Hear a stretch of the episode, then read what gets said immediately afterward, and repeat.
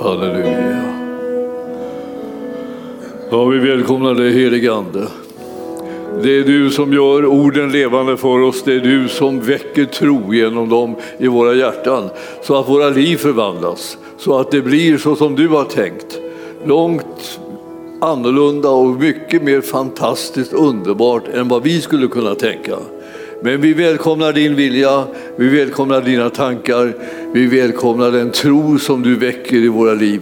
Och vi tackar Herre för att vi ska kunna se fram emot att få se den frukt du vill bära ibland oss, mitt i församlingen, mitt i våra liv som vi tycker att vi känner så väl och vi känner till alla möjligheter och alla begränsningar. Men du är större.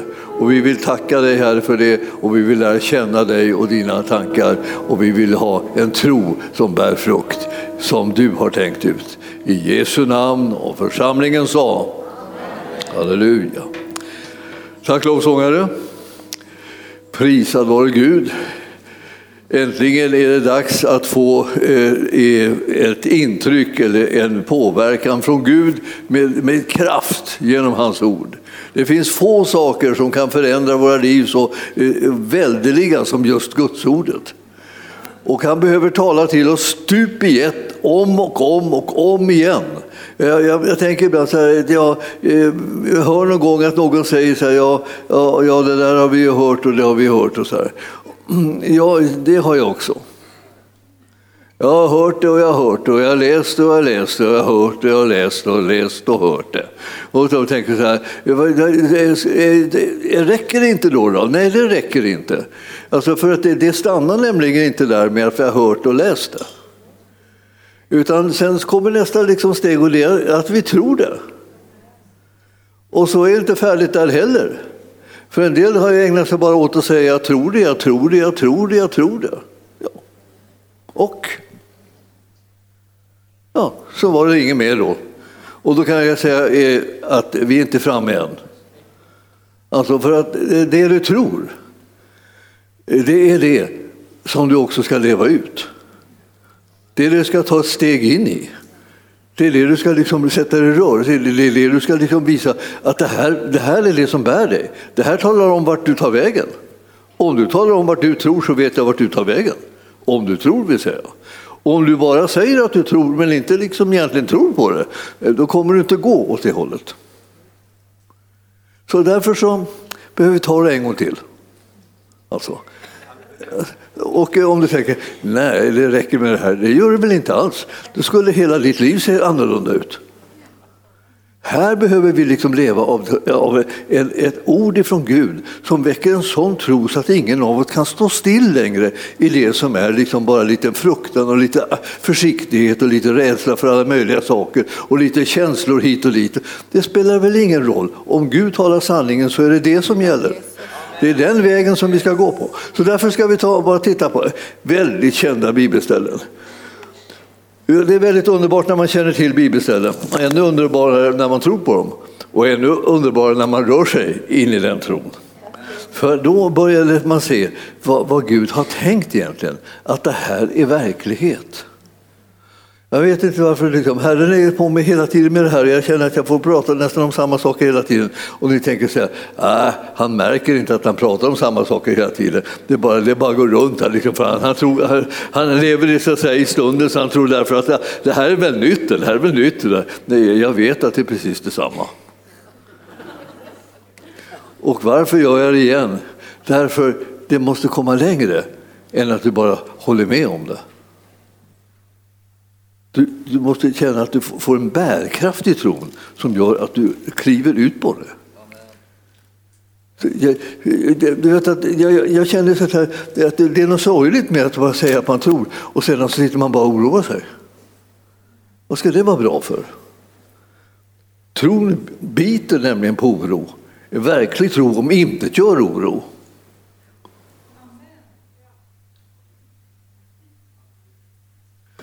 Ja, vi läser, vi läser väl lite grann får vi höra vad himlen säger. Jag tänker säga, ja, han kan stå där och prata. Det är lätt. Ja, det är sant. Det är rätt lätt. Men ni vet att när vi, när vi nu ska tala, vi, vi ska gå till, vi, vi startar rakt på det här jättekända bibelstället som står i Markus 11, 22 eh, och 23 och 24. Ja, det är det. Alltså det, man ska säga, det är egentligen trosförkunnelsens liksom huvudord. Eh, men ofantligt viktigt alltså. För det är ingen idé för oss att liksom bara liksom komma halvvägs eller bit, en bit på vägen, utan vi måste komma liksom till mål. Vi måste komma till skott liksom med det, som är det som förvandlar liv. Det är det, därför Herren sänder ut sitt ord.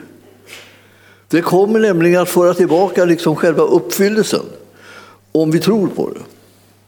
Så ser ni här, att det här är ju ett samtal liksom om ett, egentligen om ett fikonträd, men vi kan väl lämna fikonträden därhen. För att jag menar, vi har inga fikonträd att snacka om här i Sverige, liksom, utan vi har bara torkade fikon egentligen för det mesta. Så låt oss, liksom, vi lämnar det. Så, så, vad, vad, vad gäller saken nu då? Jo, saken gäller det som Jesus säger här i, i vers 22. Alltså, Jesus svarade, tro på Gud gäller saken. Vi ska tro på Gud. om vi tror på Gud, då behöver vi veta vad, vad, vad, ska, vad är vad, vad då? Att han finns. Ja, det är, det är vackert också att tro på att han finns. Men om du tror på det, att, att han, det som han säger är sant dessutom, så börjar du liksom kunna känna att det, det kommer att sätta dig i rörelse. En verklig tro på det, att det han säger är sant påverkar dig så du tar kliv åt det hållet. Det kan du göra till ande, själ och kropp. Det där klivet kan du ta. Så det är liksom inte bara det att du liksom rör dig liksom rent fysiskt åt ett visst håll, utan du rör dig liksom invärtes åt det hållet. Och du rör dig genom din mun och dina tankar så att säga, åt det hållet. Och det, det här påverkar vilka val du gör och vilka steg som du tar. Och hur du förhåller dig till andra människor och hur du förhåller dig till det som du möter i livet. Alla möjliga olika situationer, sånt som är enkelt och sånt som är svårt och sånt som är trassligt och obegripligt. Och, och sånt som du liksom tycker att du har precis som en liten ask och så kommer Herren med sin tro in i ditt hjärta och styr dig åt det hållet som du egentligen ska gå för att det ska kunna bli så att Herrens vilja sker med ditt liv. Gud har ju sådana fantastiska planer. Ni vet att det här, när jag säger det så är inte det en stund då jag håller, kommer in på eh, ämnet eh, så här, så här, överdrifter. Utan nu kommer jag in på eh, ämnet sanning. För sanning är, liksom är någonting som, när man talar om Guds sanning, så talar vi om någonting, en sanning som övergår allt förstånd. Så det är inte liksom det här att det, det, och, och överdrift, ja det är sånt där, det är när man går utanför det som är förståndet. Nu pratar de om någonting som är, det kan man inte tro, men, men det, det, det är liksom trevligt att höra det. Vi kan höra liksom lite sådana här, eh, ingenting är omöjligt för oss. Och Gud kommer att förse oss och han kommer att ge oss allt vad vi behöver. Och det, här liksom, ja, det, det känns ju mysigt. Men det är ju, övergår ju allt förstånd hur det ska kunna vara möjligt. Men det är det, det att det som Herren säger, det ska övergå allt förstånd. Hans löften ska spränga alla gränser. Nu, för nu behöver du någonting mera än egentligen bara det som du kan fatta. Det är så mycket saker och informationer som man får i livet så där, som, man, som man känner, hur ska jag någonsin komma ur det här? Hur ska jag komma undan det här? Hur ska jag kunna bli bättre? Hur ska jag kunna, hur ska jag kunna liksom göra mig fri från det? Hur ska jag kunna eh, lösa upp alla knutarna? Hur ska, hur ska det egentligen gå till? Alltså? Jo, det går till så att Herren talar till dig om det som övergår ditt förstånd och som spränger alla gränser och som gör det som är, verkar helt otroligt och helt omöjligt möjligt. Hur sker det? Det sker genom tron på hans löften och hans ord. Därför så behöver vi höra hans löften och ord om och om och om och om igen. Om det dyker upp små andra tankar i ditt inre, en det som är präglat av Guds löften och hans ord, så ska du störa de tankarna med att eh, citera Guds ordets sanning för dem helt enkelt. Du ska avbryta dem, även om de är liksom eh, jätte... Eh, alltså jag menar, du tycker att de, de känns så sanna. Det så, här, så här ligger det egentligen till. Vi tror på Gud, men Egentligen ligger det till så här. Det är omöjligt, det löser sig inte, det klarar, jag klarar aldrig upp det, jag blir helt nedtryckt av det, jag förstår inte, det finns inga utvägar och sådär. Eh, och vad, vad, ska du göra med sådana här invändningar? Du ska köra över dem med Guds ord och Guds sanning. Bara mala ner dem tills det liksom inte finns någon kraft i dem längre. För Herrens ord är det som ger kraft till utvägar och lösningar och hjälp. Eh, och han gör det som övergår ditt förstånd. Mitt med. Och eh, vem som helst som vill anmäla sig och, eh, och sitt förstånd liksom som en invändning. Så att säga. Det är det som Herren säger övergår eh, allas förstånd. Så vill du ha en lösning som är mer, bättre, större än du någonsin kan fatta, vänd dig till Herren.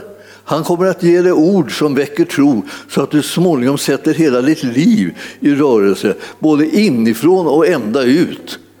Så att du kommer att röra dig in i det som är Guds vilja istället. Därför det här är det som Herren vill ha för dig. Han vill bereda en utväg och en lösning för dig. Det säger han om vilken omständighet som helst. Och du som tycker att du har en speciellt omöjlig omständighet som inte går att rätta till, som man inte kan få någon lösning på. Och du har alla möjliga vittnen som säger hur, hur hopplöst och hur omöjligt det här är. Så kommer Herren ändå att säga, eh, jag har en lösning. Och jag tänker, han får väl ändå hålla sig liksom lite, lite i skinnet. Vad, vi alla vi inser ju att de säger ju att det är så här och de säger det och de är experterna. Men, men det, de är experterna, men Gud, han är sann. Så det som han säger är sanningen. Och om du vill liksom lära dig att umgås med honom som säger sanningen och inte bara säger hur långt så att säga, människor fattar att saker fungerar eller hur människor kan räkna ut att de borde bli eller skulle bli för att man ska kunna tro att det kan bli en lösning och en utväg och en hjälp på något vis. Om du bara liksom förstår att de människornas tankar är begränsade Människors åsikter och insikter är begränsade. Människors liksom förmåga och kraft är begränsad. Men Guds är obegränsad. Så vi pratar om Gud nu, alltså, vi pratar inte om en liten storebror eller sådär. Någon som, liksom, någon som har gått på gym tillräckligt länge eller någon som har gjort något annat här. Eller någon som har pluggat så att nästan skallen sväller. Alltså, eh, det, vi pratar inte om det, vi pratar om Gud. Och han säger saker till dig. Ja, de, de övergår ditt förstånd och det är bara att vara tacksam för det. Tänk om det inte övergick ditt förstånd. Då satt du där utan, utan liksom möjlighet att komma bort ur fläcken eller, eller någon annanstans. Ni ska, ni ska läsa här som tro på Gud. Att dra in Gud i det får du räkna med att det blir fullkomligt obegränsat, ofattbart, underbart, fantastiskt, kraftfullt. Liksom. Och han vinner alltid. Och du ska få se, när han nu ska försöka tala om för, hur, för lärjungen här hur de ska lösa problemet så kommer det liksom en lösning på problemet som, som har fått alla liksom att tänka det, det är liksom lite poetiskt sagt. Det är liksom poet, det här ska man förstå poetiskt. Om någon säger till detta berg, lyft dig och kasta dig i havet och inte tvivlar i hjärtat utan tror att det han säger ska ske, då skall det ske. Allt som ni ber om och begär, tro att ni har fått det, så ska det vara ert. Vad sägs? Vad tycker ni om lösningen? En del gillar den, i princip. Och, och andra, andra kanske gillar den på riktigt. Och en del tycker, nej, det får, sådär, var, var det lite realistisk? Ja, men nu är ni i kyrkan. Nu ska vi inte vara realistiska, utan vi ska vara sanna. Och Jesus, det han, han säger de här sakerna och han är sanningen. Vi vet om det. Han är sanningen. Därför så väger hans ord betydligt tyngre än allting annat. Alltså realistiska ord, de har, de har sin plats. Men de har ingen liksom, läge där de liksom tacklar ut så att säga, eh, det som är sanningen, utan det är sanningen eh, som övertrumfar realismen. Realismen det är någonting som håller på att förändra sig hela tiden därför att det, eh, plötsligt kom man på att det var lite annorlunda än man trodde. Så nu var det realistiskt plötsligt orealistiskt. Så det måste bli en ny grej som ska bli realistisk. Ja, men vad bra då. Liksom, vi är flexibla. Men vad är det som är säkrare att hålla sig till än själva realismen som hela tiden ändrar sig? Sanningen. Sanningen. Jesus är sanningen. Det han säger är sant. Och jag, jag tänker ibland, eh, vågar man lita på en enda människa? Ja, det är möjligt att man inte vågar. Men, men vågar man lita på Jesus är frågan. Och han är sanningen. Och det han talar är så, så, så, så man, man studsar liksom omkring. Och, och till och med lärjungarna, de här första lärjungarna, de försökte sig på liksom att vara i, eh, liksom, eh, på rätt linje så här. Och, och, och, och, och Petrus, han, han tyckte att han skulle säga emot Jesus då. Och så fick han reda på att han tänkte fel tankar. Det var inte Guds tankar längre han tänkte. Det var bara människotankar. Och det var mörkrets tankar som han liksom fångade upp istället. Det som var mot sanningen började han tala. Korrigera Jesus, han har fel. Så där är det inte. Rent realistiskt så är det så här istället. Och om jag skulle kunna lösa det från realismen Det låter nästan som liksom en hädelse. ta, bort realism, ta bort realismen och, liksom, och få in sanningen på hela platsen så skulle du märka vilken öppning det skulle bli i livet. Att kunna ta emot det som är de, är de lösningar som är sanna, som Herren har vunnit för din räkning. Alltså. Han har gjort ett verk som gör att du kan komma ut ur den här begränsningen som är att vara realistisk. Har du fått en dålig rapport om sjukdomar och sådär liksom genom, genom sjukvården och, och de har talat om hur pass illa det är så, så är det klart att, att du, du vore tacksam om det fanns en annan rapport att tillgå.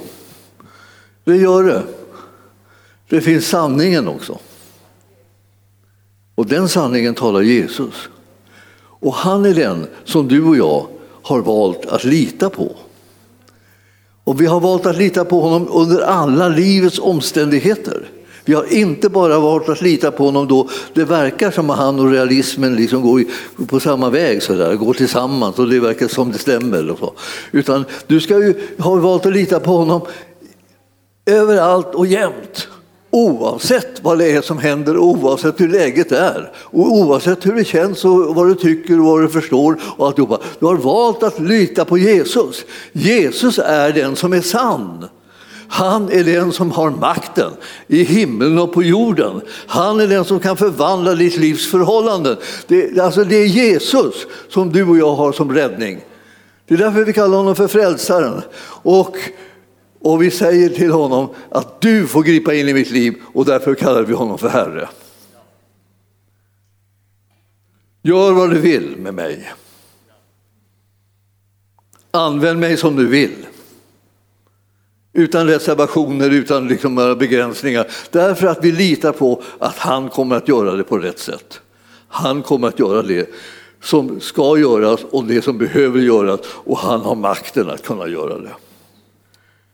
Jag försöker berätta lite grann för dig vilken Herre du har, vilken frälsare du har, vilken läkare du har, vilken vägledare du har, vilken hjälp du har. När vi håller på och bekänner hans namn, vad han är för någonting här, som vi sjöng en sång. Jag så säger, men kom ihåg, det är han som är din Herre. Varför skulle du frukta?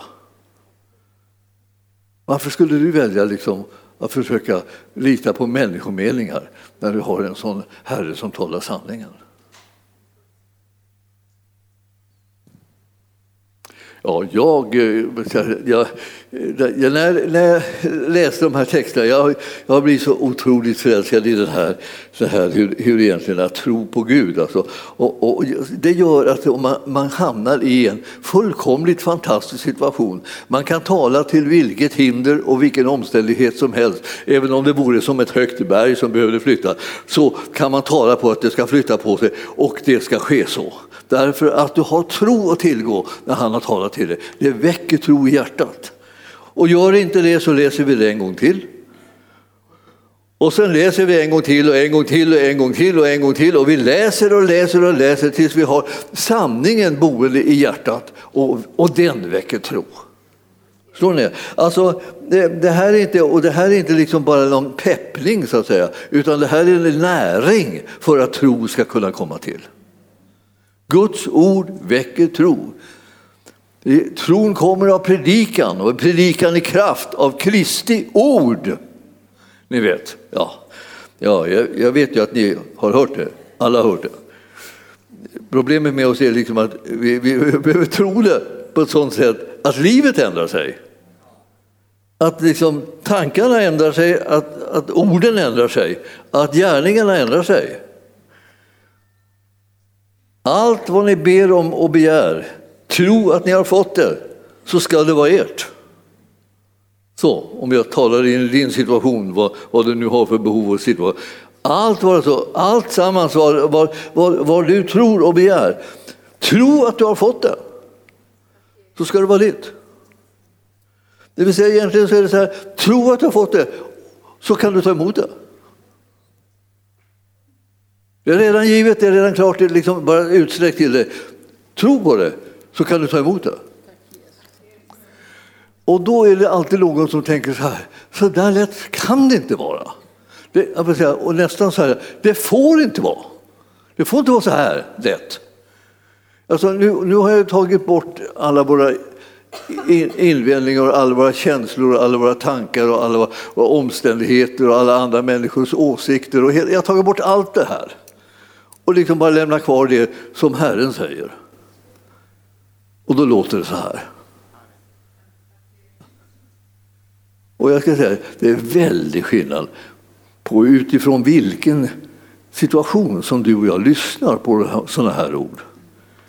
För om det är under attack och bombardemang på alla plan, känslorna är liksom bara upprörda och, och, och kroppen är liksom i, i, i, lidande och kramp och omständigheterna är förfärliga och du vet inte utvägarna du vet inte någonting. Du vet inte hur du ska klara upp det, du vet inte vad du ska ta dig till.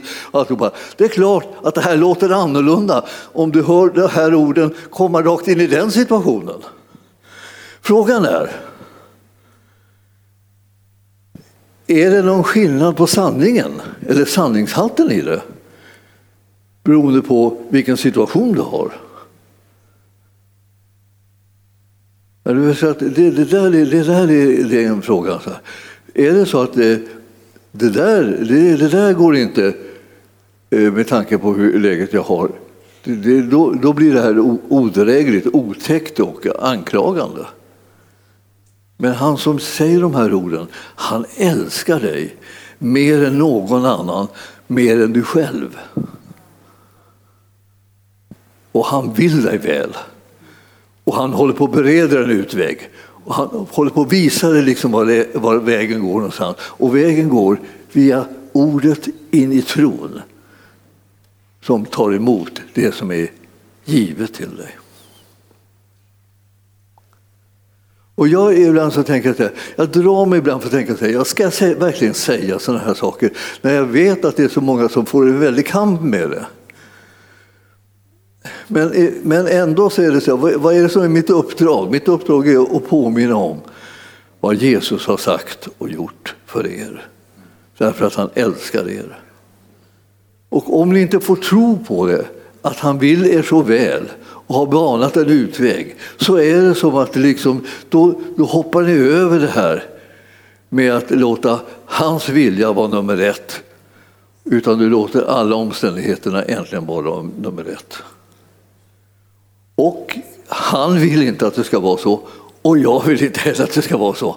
Vare sig i mitt eget liv eller i ditt liv eller någons liv överhuvudtaget. Utan vad vi, vad vi vill alltså är att Herrens vilja ska bli mottagen med tro så att du och jag hittar ut ur det som håller på och binder och begränsar och, och, och, och liksom trycker ner oss så att vi inte kommer eh, in i det som är Herrens vilja. Och hans gärningar inte blir gjorda i våra liv fast vi längtar efter så vi kunde, så vi kunde gå sönder av det. Alltså.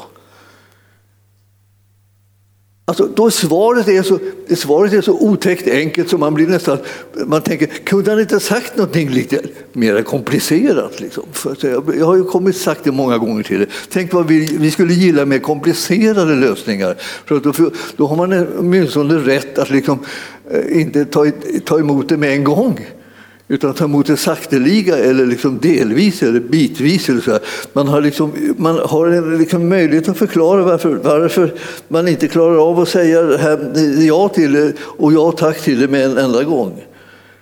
Alltså till det berget kan man säga lyft dig upp alltså, och kasta dig i havet. Och när man säger det så ska man inte tvivla i sitt hjärta, alltså inuti. Man har ingen reservation som sitter inuti och säger ja, man får väl se hur det går. Så här. Eh, jag hoppas ju att det liksom ska fixa sig. Men vi har inte alls pratat om hopp här nu ett enda dugg. Vi pratar om tro. Tron är en visshet och en övertygelse om sånt som man inte ser, känner eller märker. Det börjar där. Det ska inte sluta där, men det börjar där. Man tror på någonting med full övertygelse och visshet fastän man inte känner, ser eller märker det. Alltså det är en, o, det är, man kan säga, en sån utmaning för oss som vanligen liksom checkar liksom, eh, om saker är sanna med hur vi känner, tänker och märker saker och ting. Det är det som är kontrollen. Hur är det? Är, är jag frisk? Är jag svag? Är jag glad? jag, jag, jag, jag, jag, jag testar i, liksom, i mitt liv hur det förhåller sig. Och så, så står det så här att, att du, ska, du ska tala på det här sättet till den här omständigheten som du har. Och inte tvivla i ditt hjärta utan tro att det som han säger ska ske och då ska det ske. Ja. Alltså, Eh, jag får säga så här, om du tycker att jag är jobbig, så här, förlåt. Meningen är inte att vara jobbig, meningen är att vara en hjälp. För jag, jag tror att det är Herren som är enda hjälpen som vi egentligen har att tillgå. Det finns så mycket så att säga, välmenande grejer som vi stöter på. Det finns så mycket med, med, välmenande ord och, och, och gärningar och tröst och allt möjligt sånt här. Men, men hjälpen, som är, den verkliga hjälpen, den finns bara hos Jesus. Och, och ja, alltså, ja, det måste ju ske ett under, ja. Ja. Du har helt rätt, det måste ske ett under. Men vad jag håller på att göra nu när jag predikar här är att säga till dig, låt det ske ett under. Ja, men ska du säga, hänger det på mig nu att det ska ske ett under? Nej, han har redan gjort undret. Men det hänger på dig att tro det så att du kan ta emot det. När ska du tro det? När du har gett tron näring så att den blir en verklig tro. Då kommer du att ta emot det som Herren har eh, lovat dig och gett dig.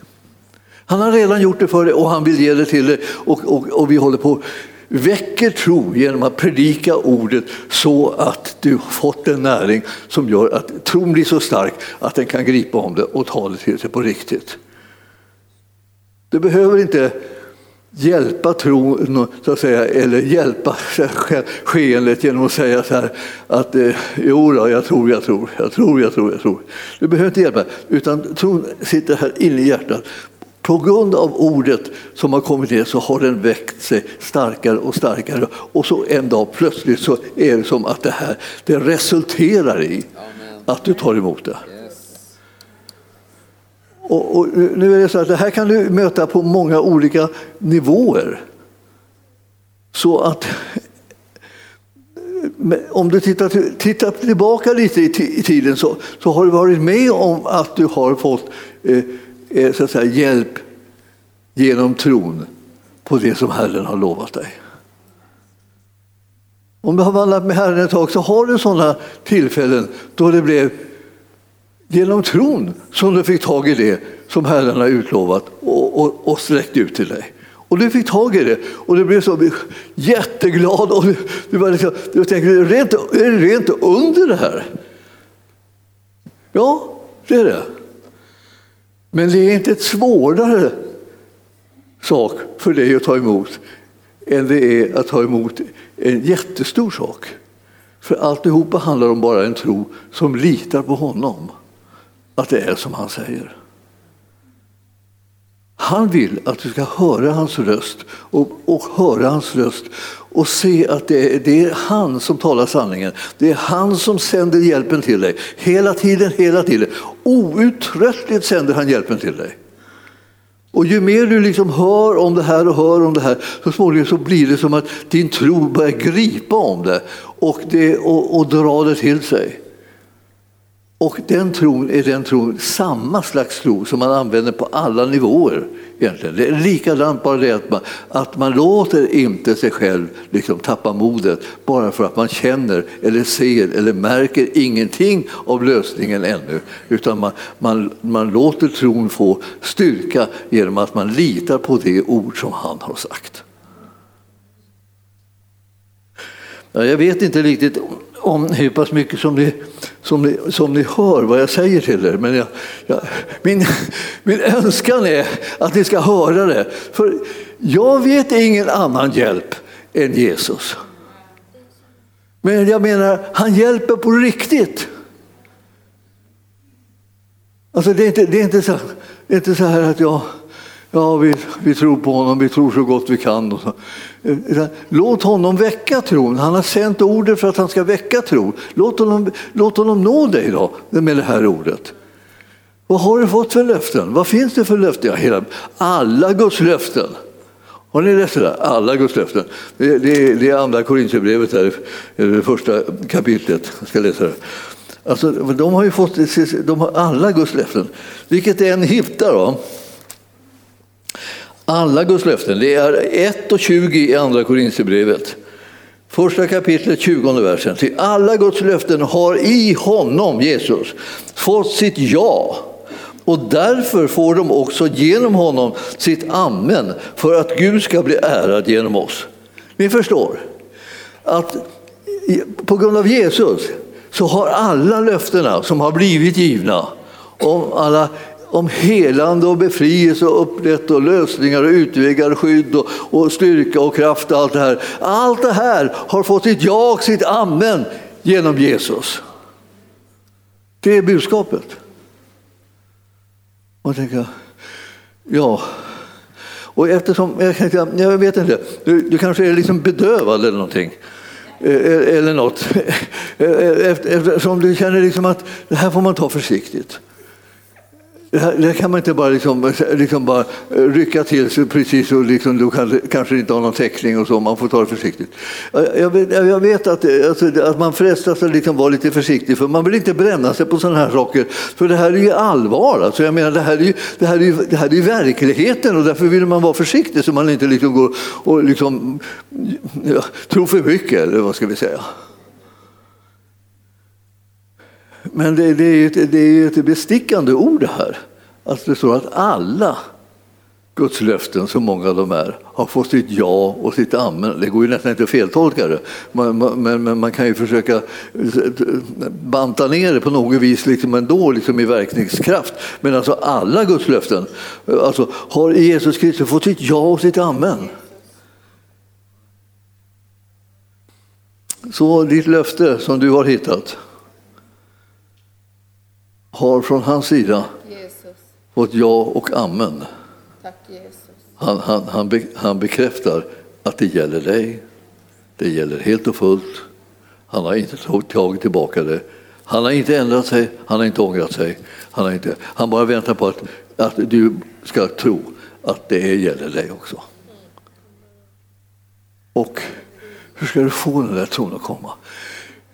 Jo, du måste nog läsa löftena. Både löftena om helande och det är det det betyder och om löftet att hålla ett löfte om helande som han har gett. Och så bekänna det till det. Och så läsa det och så läsa det tills du har utrotat tvivlet och invändningarnas tankar i ditt inre. Eh, många har ju gått i svensk skola och fått lära sig att man ska invända. Man ska liksom vara liksom kritisk och prövande. Men jag skulle säga att liksom i en kristen skola ska man få veta att man, är, man ska tro på Gud och tro på hans ord. Så att man kan bli välsignad av det som Herren har utlovat. Och jag, jag, jag blir så jag vet inte vad jag ska säga att jag blir. Jag blir någon slags eh, eh, rastlös inför det här. Att det som är det härligaste och det som är det viktigaste som vi någonsin kan få tag i, det, det, det liksom ligger där och liksom ändå jäckar oss i sån utsträckning som det absolut inte skulle få göra. Vi skulle ta upp ett krig mot det. För det här är våra rättigheter. Vi är Guds barn och vi har rätt till löftena. Han har givit dem till oss, inte till andra. Han har givit dem till oss, vi som tror. Då ska vi ta, ha en tro som kunna, kunna ta emot hela härligheten, hela kraften, hela glädjen, alla utvägarna, alla lösningarna. Vi ska liksom inte sitta där och gripas av fruktan och otro och, och, och, och tvivel och tvekan och allt och allt. Vi blir alldeles matta av allting som man kan hålla på med istället för att ge näring och tron. Ja. Jag ska ta någonting här till. Jag, ska, det här är bara, jag har ju bara tagit eh, två bibelställen. Ni kanske tycker att det har blivit lite klent. Men, men vi ska ta och se om det inte finns någon... Ja, jag gillar ju också eh, Abraham. Han, han, han, gjorde någonting liksom i, i det yttre, då, alltså i Hebreerbrevet där, så, eh, så, gjorde han någonting i det yttre som var som väldigt intressant. Alltså, han, alltså, han, han fick höra från Gud att han inte skulle vara där han var. Utan han skulle gå någon annanstans, men han fick inte höra vart. Han skulle bara ge sig iväg. Otroligt påfrestande. För man kan säga, varför ska Gud hålla på så där? Kan inte vara, komma med klartext? Hur många har, har inte undrat det någon gång när vi liksom är i ett läge? Kan han inte säga med klartext vad han menar? Vad menar han nu så här? Och så? Och det, men han tycker att han har sagt det som man behöver säga för att den kan sätta den i rörelse. Och ja, han fick ju Abraham att sätta igång. Han bröt upp hela familjen och släkten, allihopa, hela gänget och satte igång och gick. Liksom. Var, var, var han gick nu? Gick han norrut eller väst, västerut kanske man kan säga snarast. Lite nordväst kanske rent av. Och så gick han i alla fall ifrån det land som han var i. Han, han bodde i Ur, där. Ur låg inte så långt ner från Persiska viken där. Längst inne där då. Och, så. Och, och, och där bodde han då och hade inte riktigt kläm på eh, riktigt vem, vilken gud som han hade fått kontakt med nu. Men han, han, fick, han fick uppdraget att bryta upp och, och ge sig iväg till ett annat land som Gud skulle visa honom. Inte, inte, inte som han hade visat honom redan, inte liksom som han hade förklarat liksom vad det var, utan, utan bara ge dig iväg. Och, och, eh, och det här är ju sånt där som eh, får en pastor att liksom, liksom knottra sig på när man tänker på det. Om det någon kommer och säger ja Gud har sagt att jag ska bryta upp nu. Jaså, vart då? Ja, det har han inte sagt man, liksom alldeles, man blir alldeles sliten vid ett sånt svar. Liksom. Man tycker så här, ska du, ska du, kan, du får kanske bedja lite till och ta reda på vart du ska innan du liksom ger dig iväg från det där du vet att du är åtminstone, hoppas jag. Ja, och så. Ja, han får, att inte få någon klarhet på det där sättet, det, det verkar ju väldigt oordning. Det händer ju att Gud också kommer med en slags oordning. Det vill säga han kommer med en halv halv information. En del av oss har varit med om det. Min farbror brukar alltid berätta om när han skulle betala en biljett som han hade fått höra att Gud hade sagt att han ska åka till England och predika. Ja, han hade inga pengar, men han svarade ja på liksom, uppdraget. Och till slut så stod han där i kön Där man skulle köpa biljetten till England utan pengar. Och, och det var vållade honom våldsamma besvär. Alltså, han bad och han bad och han bad och han bad och undrade hur, liksom, hur pengarna ska komma. Och ju mer så närmare och närmare biljettluckan kom han ju. Och så, och så var det samtidigt var det en, en, man som hela tiden skulle sa att han kände igen honom och skulle prata med honom. Han störde honom hela tiden i bönen. så Han blev liksom extra irriterad liksom dessutom. Då, på så här. Och till slut så stod han där vid luckan då och frågade ja, vad ska du ha. Då? Så han hade fortfarande inga pengar. Ja, då var den där mannen knackade igen på axeln så här. Du, skulle jag inte kunna betala för dig? Va? Alltså Gud hade ordnat liksom betalningen men han kunde inte kläcka ur sig det liksom, i, i, i förväg. Utan han skulle gå i den här kön hela tiden liksom, och, och bedja och bedja och bedja för att han skulle liksom komma fram till det. Och så, eh, så fanns lösningen redan närvarande. Det var den där typen som stod och pratade och tjatade på hela tiden och, och pickade på hans axel och ville hålla ha, samtal om, om olika möten som han hade haft. Alltså, eh, eh, då och då så råkar vi ut för liknande saker. Och har du inte gjort det så det kommer. Då man blir utmanad liksom på det här området, man tycker skulle, skulle man, kan man inte få veta lösningen i förväg? Ja. Och i, i, ofta får man ju det, men ibland får man det inte. Och det är ändå rätt att följa Herrens första liksom, instruktion åt vilket håll man ska gå även om man inte vet själv hur det ska gå till på slutet. Jag, jag ska säga att det, det, finns, det finns vissa prövningar i den andliga vandringen.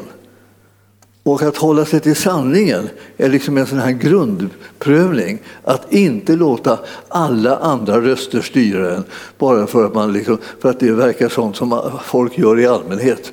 Utan vi tillhör inte det folket som är i allmänhet. Vi tillhör det underliga folket. Det är liksom säregna. Det där som man på engelska kallar för peculiar people. Alltså det besynnerliga folket. Det tillhör vi. Vi som går ledda av Gud. Ja, då kan jag tänka att jag skulle önska att jag var lite mer ledd av Gud. Ja, det är bra. För det skulle han också önska. Och det önskar jag också. Både för dig och mig. Att vi ska vara mer ledda av Gud. Men alltså det här med att, vara, att lära känna hans röst, att lära känna hans ord, att lära känna hans löften väcker tron och ger tron näring så att den blir starkare och starkare. Så att vi kan inta områdena som Herren redan har gett till oss så att hans vilja kan bli synlig bland oss. Så välsignelsen kan nå in i våra liv, så kraften kan komma, så utvägarna kan komma, så öppningarna kan komma, hjälpen kan komma rätt till. Så. Allt det här har han tänkt på. Ni vet, ju, ni vet ju det allihopa. Jag, menar, jag, jag, jag talar ju till er om de saker som ni vet, vet, vet, vet, vet. Va? Och sen är det bara det liksom att vi behöver ju veta det på ett sådant sätt att vi kan ta emot det i tro. Annars så blir det liksom någon slags konstig kunskap som, som liksom aldrig riktigt förändrar våra liv. Jag tror, jag tror.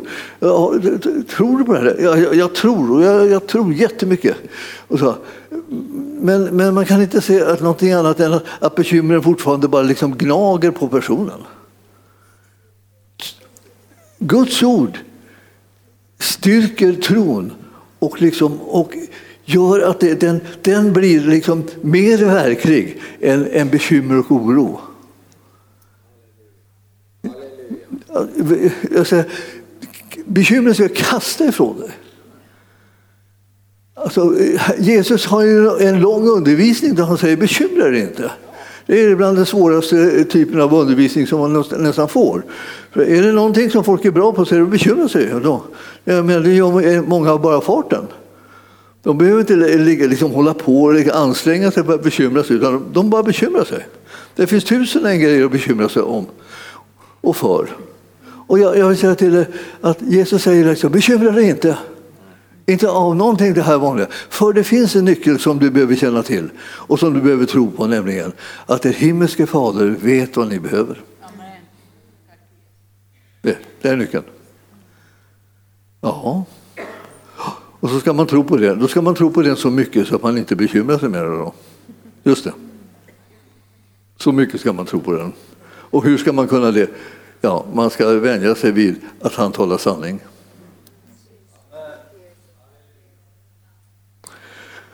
Oh, ja, jag vet inte om jag ska trötta er mer mer här nu. Eh, jag, jag, jag, bara vill säga till er att, att det är underbart att se att det finns så många, ni kan titta själva sen det här, det här eh, troskapitlet som finns i elfte, elfte kapitlet i Hebreerbrevet om alla de som tog olika steg i tro och så. Där man kan läsa det upp och ner, fram och tillbaka, fram och tillbaka, fram och tillbaka. Till slut börjar man kunna förstå att jag är en av dem. Och du är en av dem som beskrivs som de troende som vandrar tillsammans med Herren. Och våra villkor och våra förutsättningar är att vi tror på en god Gud som talar sanning. Och ju, ju, mer det här kommer in i oss, och det gör det allt eftersom vi läser och läser och läser, så kommer vi att liksom gripa tag i den sanningen och den kommer förvandla vårt liv. Och jag vill att ni alla ska få erfarenhet av det. Utan undantag. Alltså. Man kan säga ja, men vi, vi har fått ganska mycket förvandlat. Ja, vi är tacksamma för det som Gud har fått göra liksom, ibland oss. Men han vill göra mycket, mycket mer. Och det vill du också att han ska göra. Så jag menar, jag, egentligen så är, håller du med mig, det är bara att du tycker att det är otäckt att höra det ibland så här när man har kämpat mycket. Ja, det är det. Jag vet det.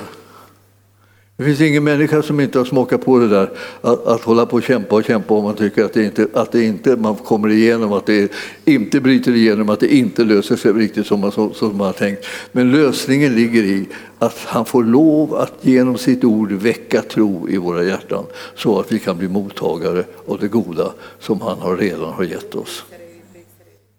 Tack himmelske Fader för ditt ord. Vi ber dig Herre att du ska tala till oss genom ordet på ett sådant sätt att det verkligen hugger tag i vårt inre och vi får en tro som övervinner alla omständigheter och situationer. Vi är så, vi är så trötta på alla bekymmer och all oro och alla, alla svårigheter och alla krångel som finns i den här världen och vi vill vara tillsammans med dig, du som har all makt i himlen och på jorden och vi vill vara de som talar och dina vägnar till omständigheterna och förvandlar och förändrar dem. Och vi vill vara de som tar emot de goda gåvor och den goda välsignelse som du har gett och sänt till oss så att vi kan komma ur både sjukdomar och bundenhet och, och nöd och brist och, och svårigheter och, och, och, alla stängda dörrar, Herre, som vi bara begär i namnet Jesus att de ska öppna sig. Och vi ber Herre att din kraft och din härlighet ska bryta igenom så att vi får se liksom dina väldiga gärningar också fortsättningsvis i den här världen. Vi längtar efter att att du ska demonstrera din makt och kraft så att dina gärningar blir uppenbara för alla och att din, din vilja kommer att ske med församlingen och våra enskilda liv. Jag prisar dig Herre för det och jag bara löser oss alla från det som håller oss tillbaka, det som begränsar oss och det som gör att livet ter sig svårt när du egentligen redan har löst det. Och jag tackar dig Herre för att vi får ta emot det som är övernaturligt, otroligt, omöjligt. Men vi tar emot det därför att det är sant. Amen. Halleluja. Prisad vare Gud. Just ja. Jag skulle göra en annan... Ja, oj, jag glömde bort det. Jag glömde bort att jag, att jag tänkte påminna er lite grann om att vi skulle ha en eh, pågående insamling av en julgåva eftersom det är till församlingen. Och eh, det där får ni göra som ni vill. Ni, skriva, ni kan skriva upp på sådana troslöfteslappar om ni tycker det. Eh, men, men att, att, att ge ett, ett, liksom lite grann i taget så här. Men att så under, under den här månaden eh, vara med och ge till församlingen för våra behov är stora. Och vi, vi, vi behöver att vi tillsammans hjälper och, och eh, avhjälper det. Du som sitter på, på internet där och tittar också, till dig kan jag säga att du får gärna vara med och hjälpa oss. Eh, så du kan sända in din gåva och du kan göra det på vår, vår swishnummer där. Men du kan också göra det på banknumret. Jag tror att det kan komma upp om vi, om vi försöker eh, så att vi kan se det. Annars så står det på hemsidan. Eh, jag, jag eh, kände att det här, det, här är, det här är en viktig sak, men, men, men om du vill ge på, så här på troslöfte kan man säga att jag ger dig liksom flera gånger så här, eh, en viss summa, så här, man eh, bara delar upp det. Eh, och så tar man det i den takt som man, som man, som man rår med det. Men så ska vi kunna samla in några hundratusen. Och jag har inte känt liksom att jag har, fått, jag har fått någon slags speciell summa utan jag har bara känt att vi behöver några hundratusen säkerligen eh, eh under, innan eller vi kommer in i årsskiftet här. Och det brukar vara en väldig utmaning för oss. Så vi, vi är tacksamma för att om ni kan tänka er det så, så är vi väldigt glada. Så himmelske Fader, jag ber att du ska röra vid våra hjärtan och vi, vi älskar din församling och vi älskar det verk som du håller på med här och vi tackar dig för din stora omsorg om oss, Herre. Så vi ber att du ska lösgöra medlen. Vi vet att vi kan göra olika mycket beroende på vår, vår egen situation, men vi, vi, vi gör inte det här för att jämföra oss, vi gör det här för att vi älskar ditt verk och vi älskar din församling. Och vi ber Herre att alla behoven ska vara mötta och alla behoven ska mötas med en råge i Jesu namn namn. Och församlingen sa Halleluja, tack Jesus.